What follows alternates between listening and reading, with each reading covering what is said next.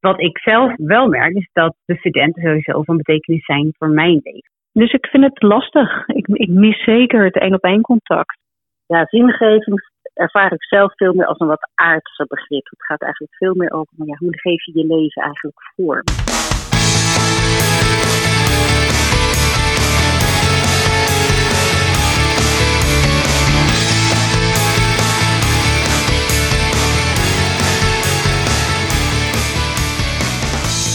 Hoi, leuk dat je luistert naar de Lunchpodcast. Een podcastreeks gemaakt voor en door collega's van het Instituut voor Gezondheidszorg en het Kenniscentrum Zorginnovatie aan de Hogeschool Rotterdam.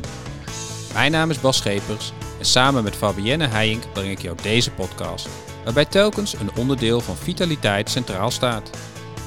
Denk aan bewegen, je mentale gezondheid, voeding en ook zingeving.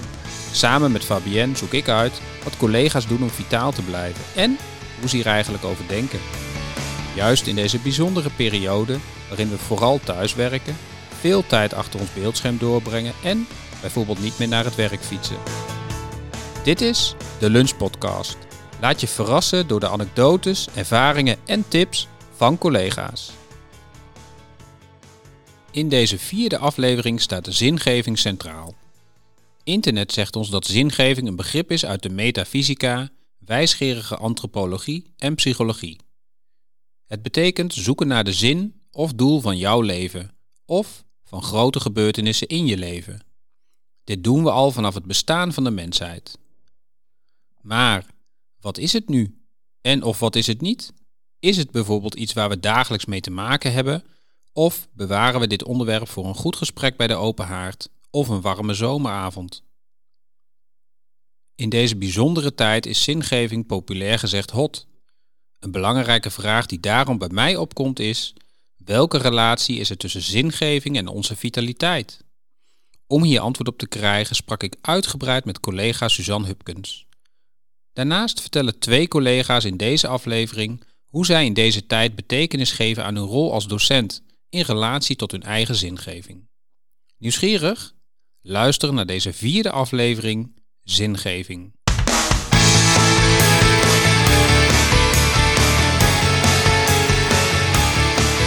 Suzanne Hupkens is als onderzoeker verbonden aan het kenniscentrum Zorginnovatie. Voor haar promotieonderzoek heeft zij veel thuiswonende ouderen gesproken. Haar belangrijkste vraag? Wat is zingeving voor hen? Voor de rubriek De Visie van belden we met Suzanne. Wat is zingeving? Hoe komt het terug in ons persoonlijk leven en in ons werk? Welke relatie is er tussen zingeving en ons vitaal voelen? En hoe komt zingeving tot uitdrukking in haar eigen leven? Luister mee welke relatie playlists op Spotify, oma worden, flamenco dansen en afvalscheiden hebben met zingeving.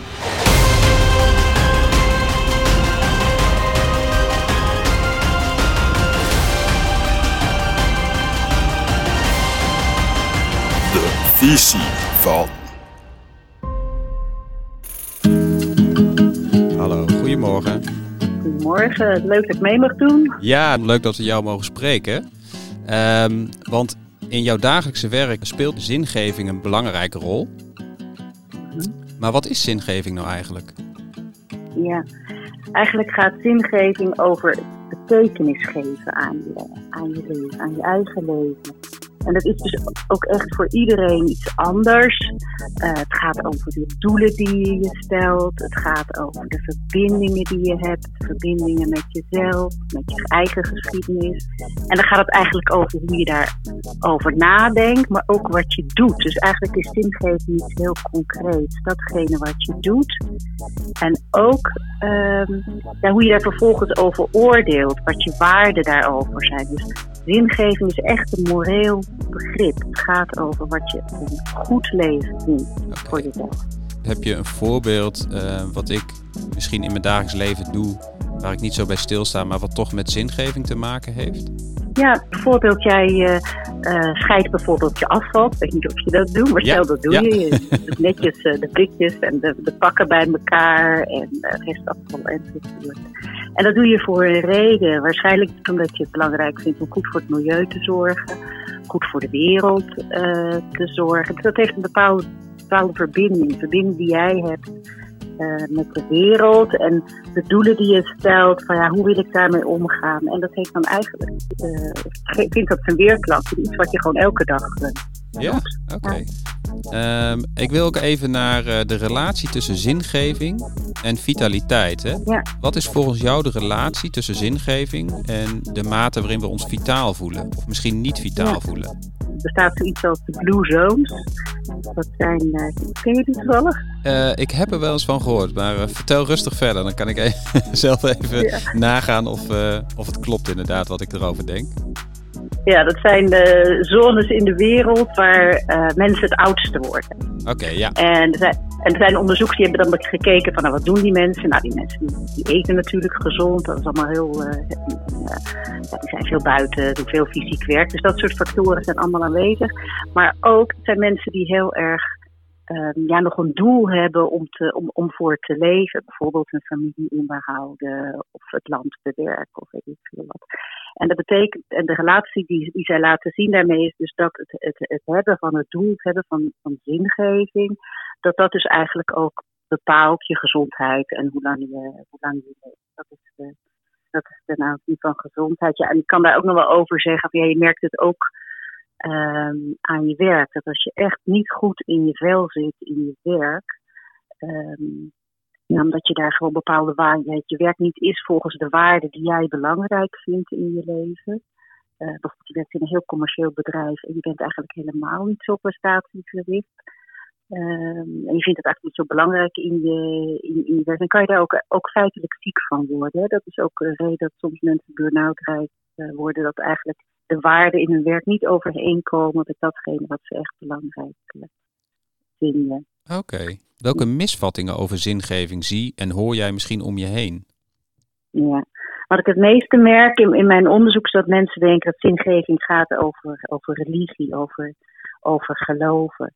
En eh, nou, dat hoeft niet per se, per se. Maar zingeving is veel algemener. Het gaat er eigenlijk veel meer om wat ik net zei. Van, van ja, welke verbindingen heb je, welke doelen stel je, wat is voor jou echt belangrijk in het leven.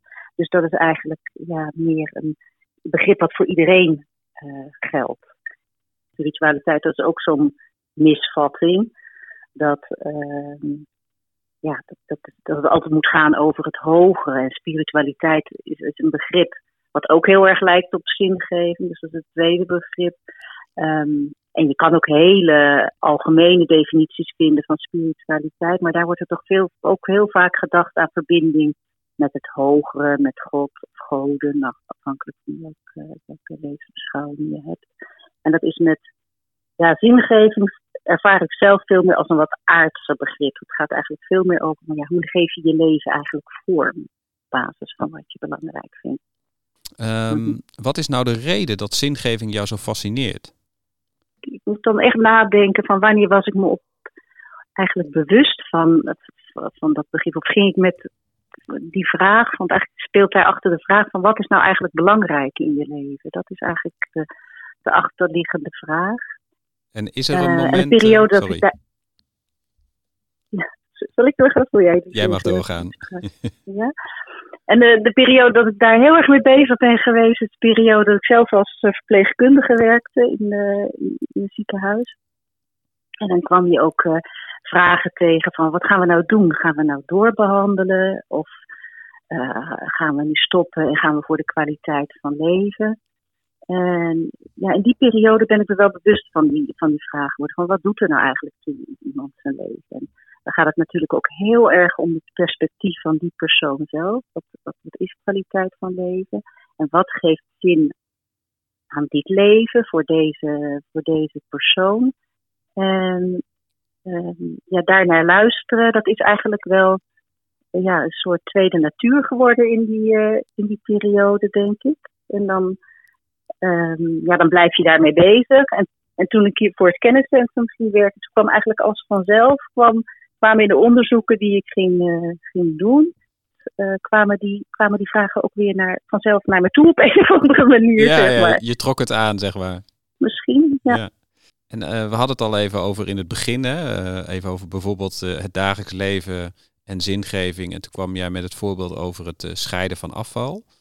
Ehm, Mhm. Als je kijkt naar zingeving, hoe komt dat tot uitdrukking in jouw dagelijkse leven? Ja, dus ook de, de keuzes die je maakt, waar, je, waar verbind je je mee, wat, wat vind je belangrijk. Ehm, ook waar je aandacht aan besteedt. Nou, voor mij is dat natuurlijk ook heel erg, eh, heel erg mijn familie wel, mijn vrienden. Ehm, maar ook mijn werk. Wat wil je doen in je, in je werk? Nou, ik, ik denk toch wel dat ik als, eh, als docent, maar ook als onderzoeker, dat je probeert een weliswaar indirect een bijdrage te leveren aan meer persoonsgerichte zorg, meer menselijke, menselijke zorg. Dat je dat, dus het zijn keuzes die je maakt ook in je, werk. Eh, maar zingeving komt ook echt tot uitdrukking in, ehm, in waar je je druk om maakt. Dat is ook een aspect van, van zingeving, engagement. Van, ja, over welke, welke dingen maak je je druk in het nieuws? Waar, waar maak je je hart voor? Eh, waar ga je iets, iets aan doen? Nou, dat En- soort voorbeelden we denk ik allemaal. En eh, is, is er iets waar nog- je... Sorry Suzanne. waar ik me druk over maak? Ja, zo van, nee, is er iets waar je misschien in het verleden wel of niet druk over maakte en waar je nu je wel of niet eh, druk over maakt of mee bezighoudt?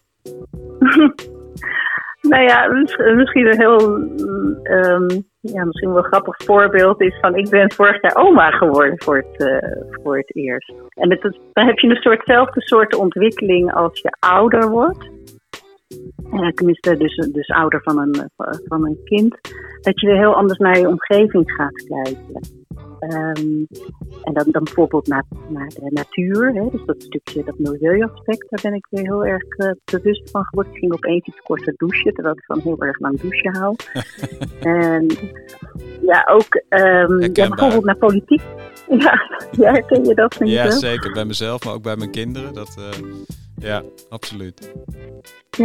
Nou, en ook het stukje van, ehm, ja, bijvoorbeeld de, de, de politieke context, bijvoorbeeld, hè, van in welke wereld komen, komen, komen, komt, komt zo'n klein kind eh, Ja. eh, dan weer. Dus, dus dat heeft ook, ook die, waar je je druk om maakt, dan met je levensfase, maar ook met, ja, van wat, is, wat vind je nou echt belangrijk? Wat geeft je nou zin? En dan is dus die zorg voor die aarde en voor die samenleving, ja, die, die, is, die is weer heel erg actueel geworden. Ja, Ja, en een andere, die, een ander punt wat ik nog wil zeggen, van hoe komt die, die zingeving tot uitdrukking in mijn eigen leven? Dat zijn ook de inspiraties, mijn inspiraties.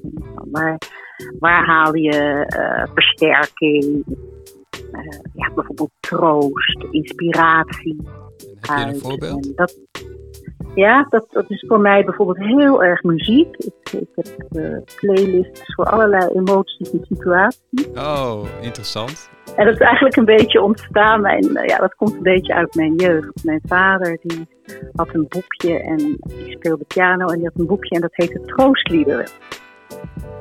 En ja, ja, dat, was, dat, dat vond ik ook gewoon heel, heel gewoon. Als hij even iets nodig had, een inspiratie, dan ging hij achter de piano zitten en dan ging hij eh, die liederen spelen. En voor hem, hij was een gelovig man, had dat ook te maken met zijn, eh, met zijn religie.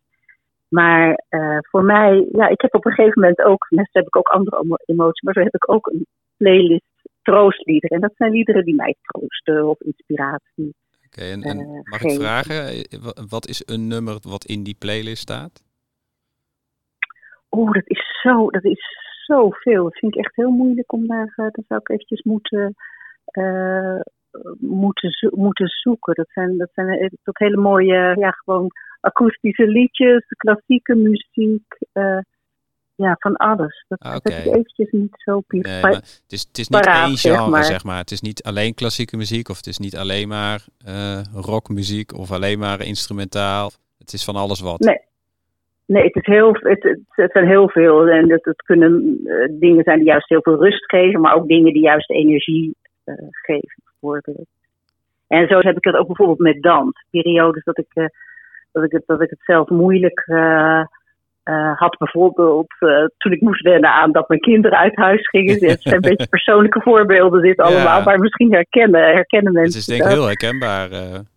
Ja, dat vond ik echt een moment dat ik weer een soort van moest herijken, zeg maar. Ik Ben, op dat moment ben ik flamenco gaan dansen. En dat is natuurlijk zoiets wat heel erg ja, de, de band met de aarde en, ja, en, en met je voeten te maken heeft. En dat heeft mij enorm geholpen. Ik denk dat zingeving gaat ook niet alleen over het denken. Dat vind ik ook echt heel belangrijk om aan te geven. Maar ook dat het in je, in je lijf zit, in je inspiratie. In, ja. Uh, ja, sporten kan ook zo'n zo functie, functie hebben. Dus het gaat ook over het voelen. Um, en, en merkte je ook, hè, als je naar muziek luisterde of luistert of uh, je danste flamenco, um, dat dat invloed heeft op je gezondheid? Ja, zonder meer. Ja, zonder meer. Voor, dat is, voor ieder mens is dat weer wat anders. Hè? Wat je, je krachtbronnen noemen ze dat wel eens uh, zijn. Is dat voor, voor, voor de voor mij zit dat in dat soort dingen. Maar heel veel collega's die ik nu hoor, die gaan, uh, die echt zo heel mooi die uh, discipline hebben om ook regelmatig naar buiten te gaan en te wandelen. Ja, die hoor ik dat, uh, dat, daar, dat die daar inspiratie uithalen. Ik sprak vrijdag een collega die zei: ja, Ik ga nu heel vroeg wandelen, want dan is het licht zo mooi. Dan zie je de zon opkomen. En denk van ja, dat is natuurlijk een enorme inspiratiebron om eventjes dat te voelen. Ja, Hey, en, en je noemt collega's uh, nu. Um, is Mhm. zingeving een, een onderwerp wat, uh, wat besproken wordt tussen collega's of um, juist niet? Wat is jouw idee daarbij? Ik heb zelden een gesprek met iemand die zegt van ja, ik, ik, ik heb nu problemen met mijn zingeving. Dus zo, zo stellen we dat niet in, in ons taalgebruik. Die, die, die zingevingsvragen zitten veel meer verpakt, zeg maar, in andere dingen die je, uh, die je hoort. En dat kunnen ook hele concrete dingen zijn als het structureren van je, van je tijd. Hè. Ik denk bijvoorbeeld aan mensen die met kindertjes thuis zitten of met pubers thuis zitten. Of juist heel veel tijd voor zichzelf hebben. Van ja, hoe vul je dat in? En, ook het afgesneden zijn van, uh, van contacten die je normaal hebt. Ja, de relaties, de verbindingen die je hebt. Ja, dat, dat zijn, dat zijn enorme zingevingsthema's. Ja, en, en... Uh, de vraag hoe je, hoe je studenten kunt steunen in mijn eigen team.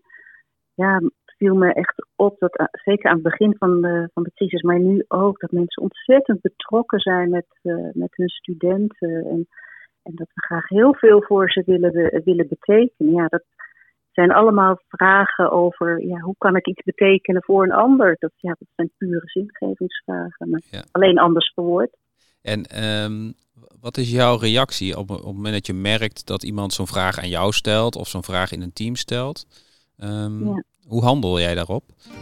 Wat ik, wat ik merk dat we heel snel, snel doen, en dat doe ik zelf eigenlijk ook wel, um, is dat je heel erg geneigd bent om allerlei oplossingen en allerlei uh, antwoorden te gaan, te gaan bedenken. En het punt is van, ja, dat die er vaak niet niet echt zijn. Of jouw antwoord is eigenlijk helemaal niet zo belangrijk, zeg maar. Het gaat eigenlijk veel meer bij zingevingsvragen over wat iemand er zelf toe kan komen. Dus eigenlijk is het, het, het stil zijn en het vragen stellen en is veel belangrijker. En ook ja, weer um, ja, daar de rust voor te nemen. Hè? Dus, dus vooral in zorgberoepen zijn we heel erg in, in uh, heel erg de neiging om meteen maar in die doestand te gaan staan. En nou, eerlijk kijkend naar mezelf heb ik dat zelf ja. ook wel. Hè? En, en de uitdaging is veel meer, niet alleen veel meer, maar is ook om eens een stapje terug te doen en te reflecteren van nou, wat gebeurt hier eigenlijk? En wat is er nu van belang? En, uh, en ook naar de ander te kijken. Hè? Niet alleen maar vanuit jezelf te, te, te denken, maar te denken van nou, voor wie, voor wie is dit nou eigenlijk voor het uh, van belang? En wat vindt die persoon eigenlijk, uh, eigenlijk zelf? Uh, wat, ik, wat ik probeer, maar ik weet niet of zij, dat moet je aan mijn collega vragen, of zij ook in, in slagen, is ook om te luisteren en vragen eh, ja. te stellen. En om te koppelen ook weer aan van ja, wat, wat heb je nodig? Wat inspireert je? Ja, maar, ja, misschien, ik hoop dat ik dat doe. uh, en dan hadden we het in dit, uh, iets eerder in dit gesprek hadden we het over het onderzoek wat jij doet of hebt gedaan naar zingeving bij ouderen. Um, ja. Wat kunnen zij ons hierover leren, over zingeving? En misschien ja, wel in relatie tot uh, vitaliteit ook. Wat het mooie is aan ouderen is dat ze, dat ze ervaring hebben met het leven. Dus zij hebben al allerlei omstandigheden meegemaakt, goede omstandigheden en moeilijke omstandigheden. Van al die omstandigheden hebben zij geleerd om hun leven in die situaties zin te geven. Dus we zijn daar ja, flexibel in, in, geworden, of, of wat minder natuurlijk. En um, ja, wat ik merk, wat hun, als, ik, als, ik, als ik denk aan wat ik het meest van hun geleerd, zijn het gewoon een aantal dingen. En een van die dingen is van ja, houd mensen die je lief zijn, houd die, houd die dichtbij, um, in contact. En zorg dat, je, dat relaties wederkerig zijn. Zelfs uh, ouderen die heel erg hulpbehoevend zijn, die geven toch aan van ja, maar ik, ik geef ook iets.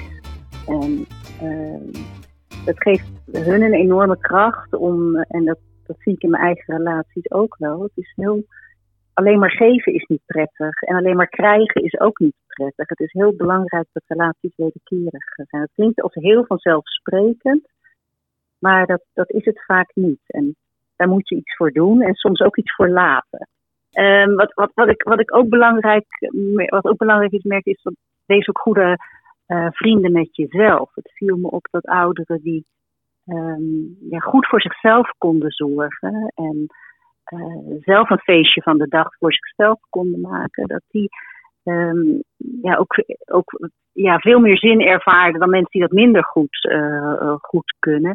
En dat heeft er ook mee te maken, ja, als je ouder wordt, en dat is misschien iets wat we nu ook merken, ja, dan word je toch, ja, belangrijke contacten die vallen weg. Daar heb je minder contact mee. Je kan, dus dat, dat, dat geeft, en dat heeft natuurlijk alles met vitaliteit uh, te maken. Als bepaalde vermogens inleveren, dat je dan andere vermogens kunt, kunt aanspreken. En daar is dit denk ik wel een hele belangrijke. Dat je ook gewoon goed voor jezelf kunt, kunt zorgen. En dat dat de dag fijn voor jezelf kunnen maken, dat dat ook een belangrijke waarde is.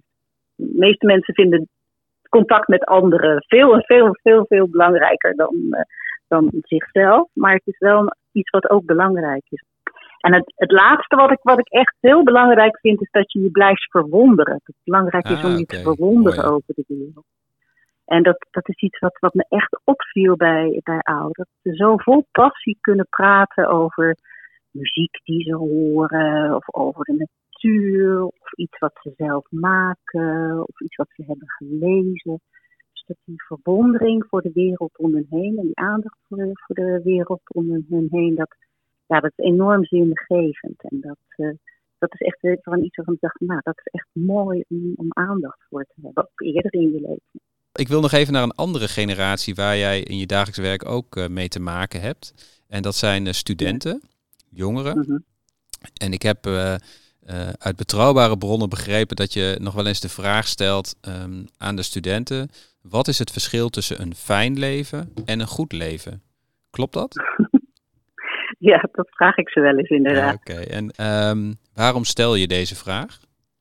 Ja, ja dat heeft te maken tussen, met, een, met een belangrijk verschil, wat er ook is tussen zingeving en een ander begrip. En dat is namelijk het begrip uh, geluk. Zingeving en geluk wordt heel vaak, uh, vaak door elkaar heen gebruikt. En ja, die begrippen die hebben ook veel met elkaar te maken, maar er is toch wel een verschil. En dat, dat verschil dat zit hem in, ja, eigenlijk in het morele oordeel wat je, wat je hebt. Um, nou, vanuit de positieve psychologie wordt er dan gedacht, als een onderscheid dat met name gemaakt wordt vanuit de positieve psychologie.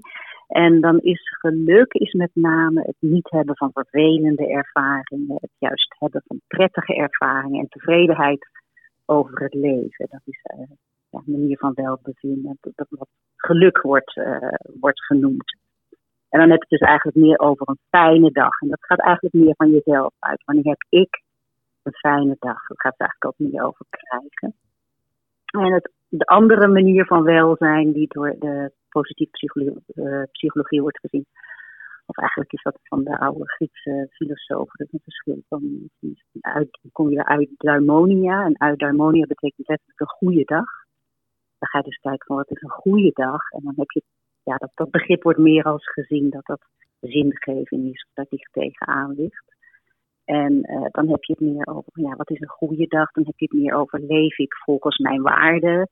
Uh, gebruik ik mijn capaciteiten? Stel ik die in dienst van het goede? Um, ja, dan heb je het meer over dergelijke dingen. Dus dan heb je het eigenlijk meer over de ander en over geven. Nou, dat is eigenlijk de achterliggende onderscheid wat je, wat je maakt. Omdat eigenlijk twee begrippen zijn waar veel over gesproken wordt. Maar ze hebben dus echt wel ook wel een beetje een andere focus. Um, en voor ik dat uitleg, vraag ik dus aan van nou, noem eens een voorbeeld van een fijne dag en van een goede dag. Ja, en studenten die voelen dat, uh, voelen dat feilloos aan. Dan okay. ik, nou, een fijne dag is dat ik uh, oh, lekker lang in mijn bed blijf liggen en de hele dag series kijk. En dan ga ik lekker snacken en uh, chatten met mijn vriend. Nou, weet ik veel. Dus dat, zou, dat, dat soort voorbeelden. En een goede dag noemen ze dan voorbeelden van ja, dan uh, ga ik sporten en dan eet ik gezond. En dan uh, ga ik bij mijn oma langs die alleen is. Dus ze weten eigenlijk heel goed wat um, ja, volgens hun waarden belangrijk is. En soms zitten die waarden ook nog heel erg in hun opvoeding, zeg maar. En dus wat ze. En als ik dan vraag, ja, wat voor gevoel geeft dat dan? En dan geven ze ook wel heel vaak aan dat de, het, het gevoel na een goede dag toch eigenlijk prettiger is dan het gevoel na een uh, fijne dag, zeg maar. Ik, ik, wil naar een, een laatste vraag toe, Suzanne. Want uh, we leven uh, toch wel in een bijzondere tijd. Hè, door het coronavirus en alle maatregelen die er zijn genomen om het coronavirus te beteugelen.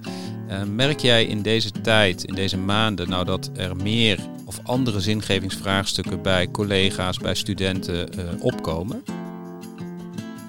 Um, andere weet ik niet zozeer, maar wel dat het heel erg, de zingeving heel erg aan de orde is. Ik denk dat deze tijd ergens over gaat, behalve over het bestrijden van een, van een virus, dan is het wel over, over zingeving. Dat kan natuurlijk ook beroepsdeformatie zijn. Maar ik denk wel van ja, als het, als het ergens over gaat, dan gaat het toch over onze verhouding tot elkaar, over verbindingen die we hebben, um, ja, over de relatie met, uh, met de wereld, met onze omgeving. Dus ja, ik denk dat, dat die vragen die liggen, en die liggen ook heel erg aan de oppervlakte, die worden ook wel gesteld. Bijvoorbeeld aan de bezoekregelingen bij de, de ouderen aan het begin van de, uh, van crisis. Denk over vragen van uh, ja, wat is rechtvaardig ten aanzien van, van vaccins, wat is en heel concreet uh, ten aanzien van onze studenten van ja, wat is contact eigenlijk? Kan ik contact hebben via het beeldscherm? Lukt het me om contact te hebben? En, uh, ja, hoe kan ik verbinding maken met, uh, met studenten terwijl ze niet fysiek bij, bij je aanwezig zijn? Mag ik je heel erg bedanken, Suzanne? Ja, heel veel succes. En nou, nogmaals bedankt. Leuk om mee te doen. Ja, jij ook bedankt en een fijne en een goede dag. Hey, jij ook. Doei. Tot ziens. Hoi. Door Suzanne ben ik gaan nadenken over mijn eigen krachtbronnen. Dit zijn sporten, romans lezen, goede koffie en net als Suzanne naar muziek luisteren.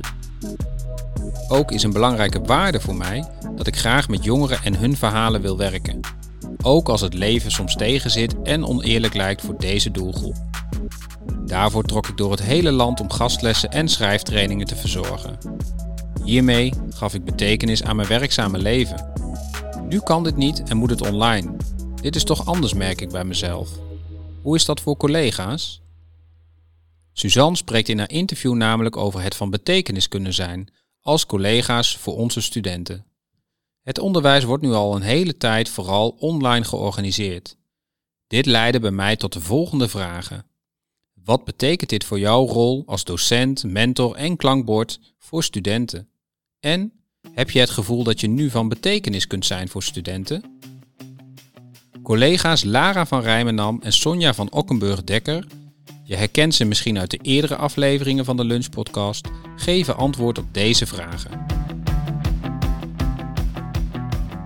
Ja, de betekenis voor mij als docent. Het is een hele uh, uitdagende tijd, denk ik, waar we in leven. En uh, zo ervaar ik dat zeker ook als docent. Uh, want als docentschap dat je elkaar fysiek treft in de lessen, in de, in de opleiding fysiotherapie, voor mij in dit geval, ja, kan je veel meer analyseren. Wat gebeurt er? Wat gebeurt er in groepsdynamiek? Maar wat gebeurt er ook met de student zelf? Je kan aan ze zien uh, vaak hoe het met ze gaat, omdat je dat uh, een aantal keer per week elkaar treft. En nu zie je dat veel minder online. En dan raak je elkaar sneller kwijt. Dat is toch wel een hele pijnlijke constatering. Um, zo had ik van de week toevallig uh, een student die ik altijd online les gaf, zag ik eigenlijk voor het allereerst na een half jaar uh, tijdens een proefmoment. En die jongen heeft mij um, wel afgelopen maand een keer huilend opgebeld via Teams dat het niet goed met hem ging. En ik zag hem afgelopen week, had tussentijds wel via Teams een keer gevraagd: hoe gaat het nu met je? Hoe sta je ervoor? En had hij ook antwoord. Maar ik zag hem van de week en toen zag ik echt in, in zijn hele energie doen en laten dat, dat de energie uit hem weggeslagen was, als het ware. Door een persoonlijke situatie waar hij mee zat. En uh, dat raakte mij. Dat noemde ik ook. Van joh, ik, zie dat je de spirit en de, de, de sparkle die je aan het begin van dit jaar had, toen je begon met de opleiding, dat die weg is. En dat, uh, volgens mij moeten wij een keer daarvoor gaan zitten. Want ik heb je gesproken via Teams. Maar het is toch anders dan dat ik je nu in het echt zie. Um, en ik denk dat het nodig is dat we elkaar fysiek treffen en eens verder praten. En ja, dat deed hem volgens mij al goed. Hij zei ja, het is, gewoon een hele moeilijke periode waar ik nu in zit. En begrijpelijk. Maar die rol heb je als docent, als coach, om te analyseren hoe gaat het met je studenten. En uh, het verbaasde mij dat je dus pas echt doeltreffend contact houdt en, en uh, dus van betekenis bent als coach slash docent, als je elkaar toch echt aan de tand voelt en, en contact houdt. Ik, ik mis zeker het één op één contact, want ik ben ooit ook docent geworden uh, met als doel er gewoon voor de ander te zijn. Uh, niet per se omdat ik mijn vak zo fantastisch vind, natuurlijk ook. En om daar wat kennis in over te dragen. Maar een soort waarde was van mij, ik voel dat ik er als docent moet zijn voor de studenten. Um, en tot op heden is dat met name gelukt in de fysieke contacten en wat moeilijker online. Dus het vraagt veel uitdaging van, van iedereen in deze tijd. Uh, want het is ook niet makkelijk voor deze leeftijdscategorie om zo binnen te zitten, heb ik begrepen. En, uh, en weinig sociale contacten te zien. Dus laten we als docenten allemaal de schouders eronder zetten en het contract zo goed mogelijk houden binnen de kaders die wij nu uh, hebben. En dan hoop ik dat wij uh, zo goed mogelijk de rol als docent en als coach nog steeds kunnen uitvoeren. Dankjewel, Lara. En wat is jouw reactie, Sonja? Ja, ik vind het echt heel lastig in, om voor mezelf te zeggen in hoeverre ik van betekenis ben voor die studenten. Want eigenlijk ja, wat, wat bij mij opriep, was dat ik het aan, ja, aan de studenten zelf wilde vragen. Van, van welke betekenis ben ik voor jou in jouw leven? Um, wat ik zelf wel merk, is dat de studenten sowieso van betekenis zijn voor mijn leven. En dat ik echt met plezier uh, bijvoorbeeld fysieke lessen geef. Dat, dat, dat ik dat nog steeds leuker vind dan de online lessen. Um, en ik merk ook wel dat studenten met plezier uit huis gaan. Omdat uh, ze nu beperkt worden eigenlijk in wat ze kunnen doen. En als ik dan ook kijk naar betekenisgeving en naar zingeving, van wat, uh, ja, wat is nu belangrijk daarvoor, dan merk ik uh, dat er een paar dingen wel van invloed zijn, ja, negatieve invloed zijn op dit thema, uh, van mijn rol als docent. Dan denk ik aan bijvoorbeeld de letterlijke afstand van anderhalve meter en het statisch zitten in een klaslokaal. Want ik ben iemand die heel graag interactief en creatief lesgeeft, maar ja, en als er dan, uh, soms komt er genoeg beweging in een klas. Maar ik heb nu ook een klas met wat introvertere personen die ook zelf eigenlijk van beweging houden en van speelsheid en creativiteit. En dat vind ik heel moeilijk om dat in die statische ja, vormgeving ook, uh, ja, om daar handen en voeten aan te geven. Dus dat vind ik ook best wel lastig. Ik merk ook dat ik daarin dan ook letterlijk meer afstand voel. Dus letterlijk en figuurlijk. Um, verder ja, ervaar ik ook best wel veel meer verdriet en eenzaamheid bij studenten. Dat vertellen ze dan ook. En uh, angst. Maar ook bij mezelf. Voor, toch voor corona. Als je dan op, de, nou ja, op school bent bijvoorbeeld. Van, uh, ja, om afstand te behouden. Dat je dat toch probeert te bewaken. Um, en ook online. Dat er uh, studenten hebben meer, minder plezier. Minder verbindingen met sowieso al hun eigen vrienden, familieleden, klasgenoten. Ze, ja, ze zijn, is minder spontaan, ze gaan niet uit, minder hobby's. En dat is wel een soort basisvertrouwen en veiligheid wat nu, ehm, ja, wat nu minder is. En wat ook wel invloed heeft op de betekenis van school. Want als we dus één keer naar school mogen, daar bijvoorbeeld een fysieke les, dan zeggen ze soms ook, dat is ook hun motivatie om naar school te komen. Dan zeggen ze, nou, ik ben blij dat ik mijn huis uit mag. En dan hoeven ze nog niet eens iets te willen leren, maar dan zijn ze al blij dat ze even weg mogen. En ik hoor ook echt wel vragen over zingeving van ja, hoe, hoe geef ik dit nou vorm, dat online lesgeven? Dat is zo verschillend uh, ja, tussen al die studenten. De een, bijvoorbeeld is één student die is gestopt met de opleiding. Want zegt, nou deze hele vorm van online lesgeven sluit helemaal niet bij me aan. En een ander die zegt, ja, ik ga niet stoppen met de opleiding, want zit ik alleen maar thuis, heb ik niks te doen, nu in deze coronatijd. Ja, en wat moet ik dan? Dus dan ga ik maar naar de lessen, ook al weet ik dat ik deze opleiding niet ga afmaken. Dus dat is echt wel een heel groot uh, verschil. Verder merk ik ook wel een paar dingen die voor mij uh, ja, eigenlijk niet veranderd zijn. En, of zelfs nog makkelijker zijn geworden. Uh, en dat zijn bijvoorbeeld doordat ik nu met kleinere groepen studenten werk. En ook één op één makkelijker met een student kan inbellen. de chat kan gebruiken om even in te checken van hoe gaat het met je. het contact laagdrempeliger is. En studenten zich daarin ook best wel ja, vertrouwd voelen. En dat studenten dan ook aangeven, oh, ik heb eigenlijk dit nog nooit iemand verteld. Of ik uh, ja, voel me wel ja, vertrouwd in zo'n gesprek. En daardoor ook durf te delen wat hun drijft. En dat vind ik heel uh, waardevol. Met de bijdrage van Lara en Sonja sluiten we deze aflevering af. Voor mij is het duidelijk. Jezelf een goede dag gunnen heeft een positieve invloed op je vitaliteit. De lunchpodcast is gemaakt door Fabienne Heijink, Ramiro Martina en Bas Schepers in opdracht van Hogeschool Rotterdam. Wil je reageren op deze aflevering of heb je een vraag? Mail naar Doortje via d.scheepbouwer.hr.nl Dit was voorlopig de laatste podcast in deze serie over vitaliteit. We hopen dat je het leuk vond en dat je erdoor geïnspireerd bent. Tot ziens!